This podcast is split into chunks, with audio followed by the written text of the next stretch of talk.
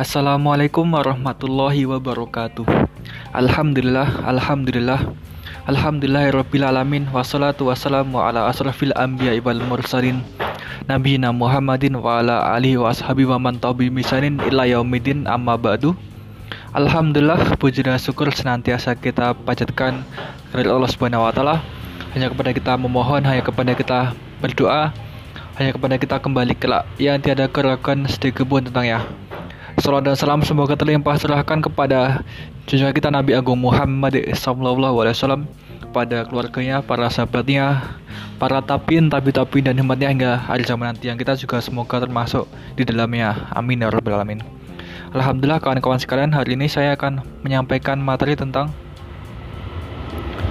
tentang pendahuluan satu suatu buku. Mohon maaf tadi ada kereta lewat Buku karya Ustadz Deden Ahadiansyah Bergembala di Jalan Dakwah. Masuk ke pendahuluan.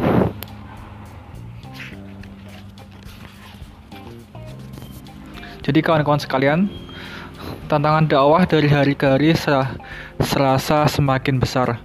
Situasi itu tentu menghazatkan para da'i untuk memiliki bekal yang lebih banyak Baik dari segi ilmuwan, mentalitas, maupun kreativitas Kesiapan dai dengan seluruh kapasitas yang dimilikinya akan sangat berpengaruh terhadap perjalanan dakwah hari ini dan masa yang akan datang.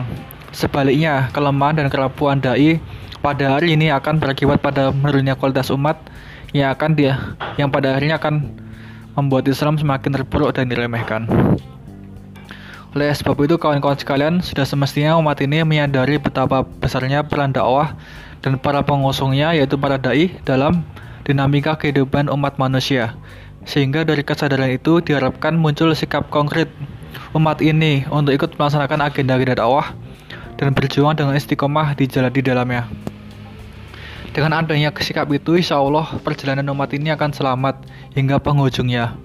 Namun jika seorang dai memilih untuk bersikap diam dan tidak berdaya di hadapan kemungkaran, maka oleh karena itu karena digerogoti oleh kemaklaman yang ada pada dirinya maka ketetapan Allah akan berlaku terhadap umat ini. Sebagaimana dalam firman-Nya dalam Quran surah Al-Anfal ayat 25 Wattaku fitnatal la yusibanna alladhina dhalamu minkum khassah wa'lamu annallaha syadidul iqab dan peliharalah dirimu dari sisaan yang tidak khusus menimpa orang-orang zalim saja di antara kamu. Dan ketahuilah bahwa Allah amat keras siksanya.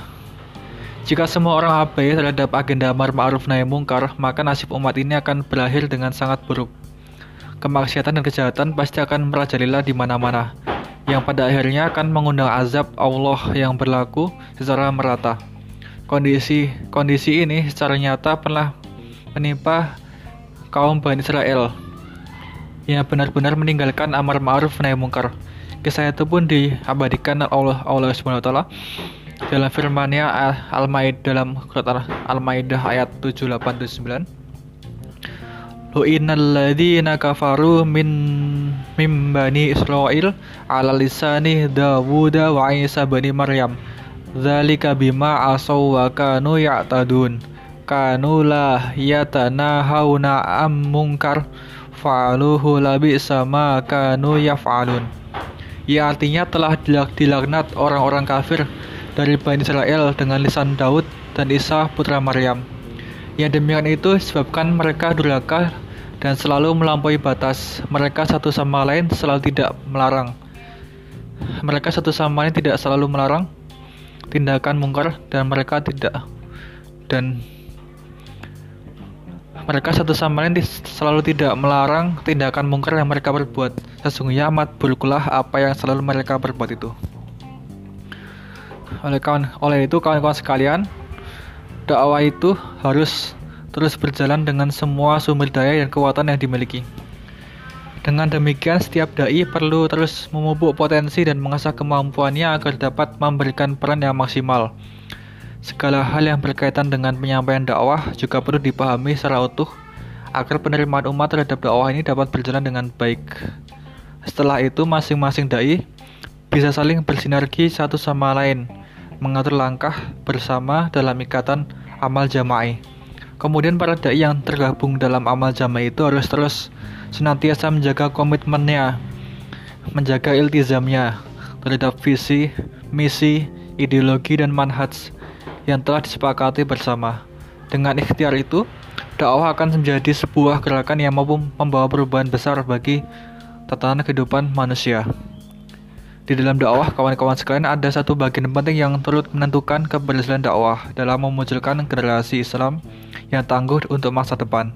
Bagian penting, bagian penting itu adalah talaki, yaitu belajar langsung kepada seorang guru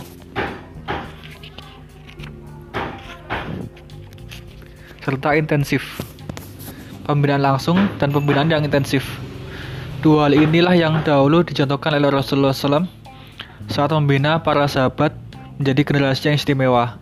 Di Mekah, mereka dibina di Madrasah Darul Arkom, sedangkan di Madinah, mereka dibina di Madrasah Masjid Nabawi dengan as-sufah yang khas. Selain itu, di berbagai kesempatan Rasulullah SAW juga tidak pernah terpisah dari para sahabatnya, baik di dalam majelis ilmu, majelis permusyawaratan, maupun dalam pertemuan-pertemuan non formal yang tentu penuh dengan kehangatan. Oleh karena itu, kawan-kawan sekalian, para dai zaman ini kiranya perlu juga memberikan perhatian yang besar terhadap upaya yang dahulu dilakukan oleh Rasulullah SAW. Artinya, mereka perlu mendedikasikan dirinya tidak sekedar menjadi dai, tetapi juga sebagai pembina atau murabi, sebagai guru atau ustadz, sebagai bijak bestari atau syekh, sebagai orang tua atau walid, dan sahabat atau sohib bagi umat. Dengan demikian umat akan merasa terasuh dan terayomi oleh kerja-kerja dakwah para dai. Dan pada akhirnya dengan penuh sukacita mereka akan turut memperjuangkan agenda-agenda dakwah demi kejayaan Islam. Di atas rute inilah kawan-kawan sekalian, kita akan menempuh perjalanan dakwah. Panjang dan terjal memang jalannya, tetapi inilah satu-satunya jalan yang dapat mengantarkan kita pada cita-cita kejayaan Islam. Pada cita-cita kita, kejayaan Islam. Oleh sebab itu, kita harus melaluinya dengan penuh kegembiraan dan sukacita. Karena di jalan ini, kita akan menemukan banyak kebaikan dan keberkahan. Di jalan ini pula, kita akan dipertemukan dengan orang-orang yang soleh, yang senantiasa menuntun dan mengingatkan kita di saat kita lupa. Maka, di jalan inilah, kawan-kawan sekalian, di jalan dakwah kita patut bergembira. Wassalamualaikum warahmatullahi wabarakatuh.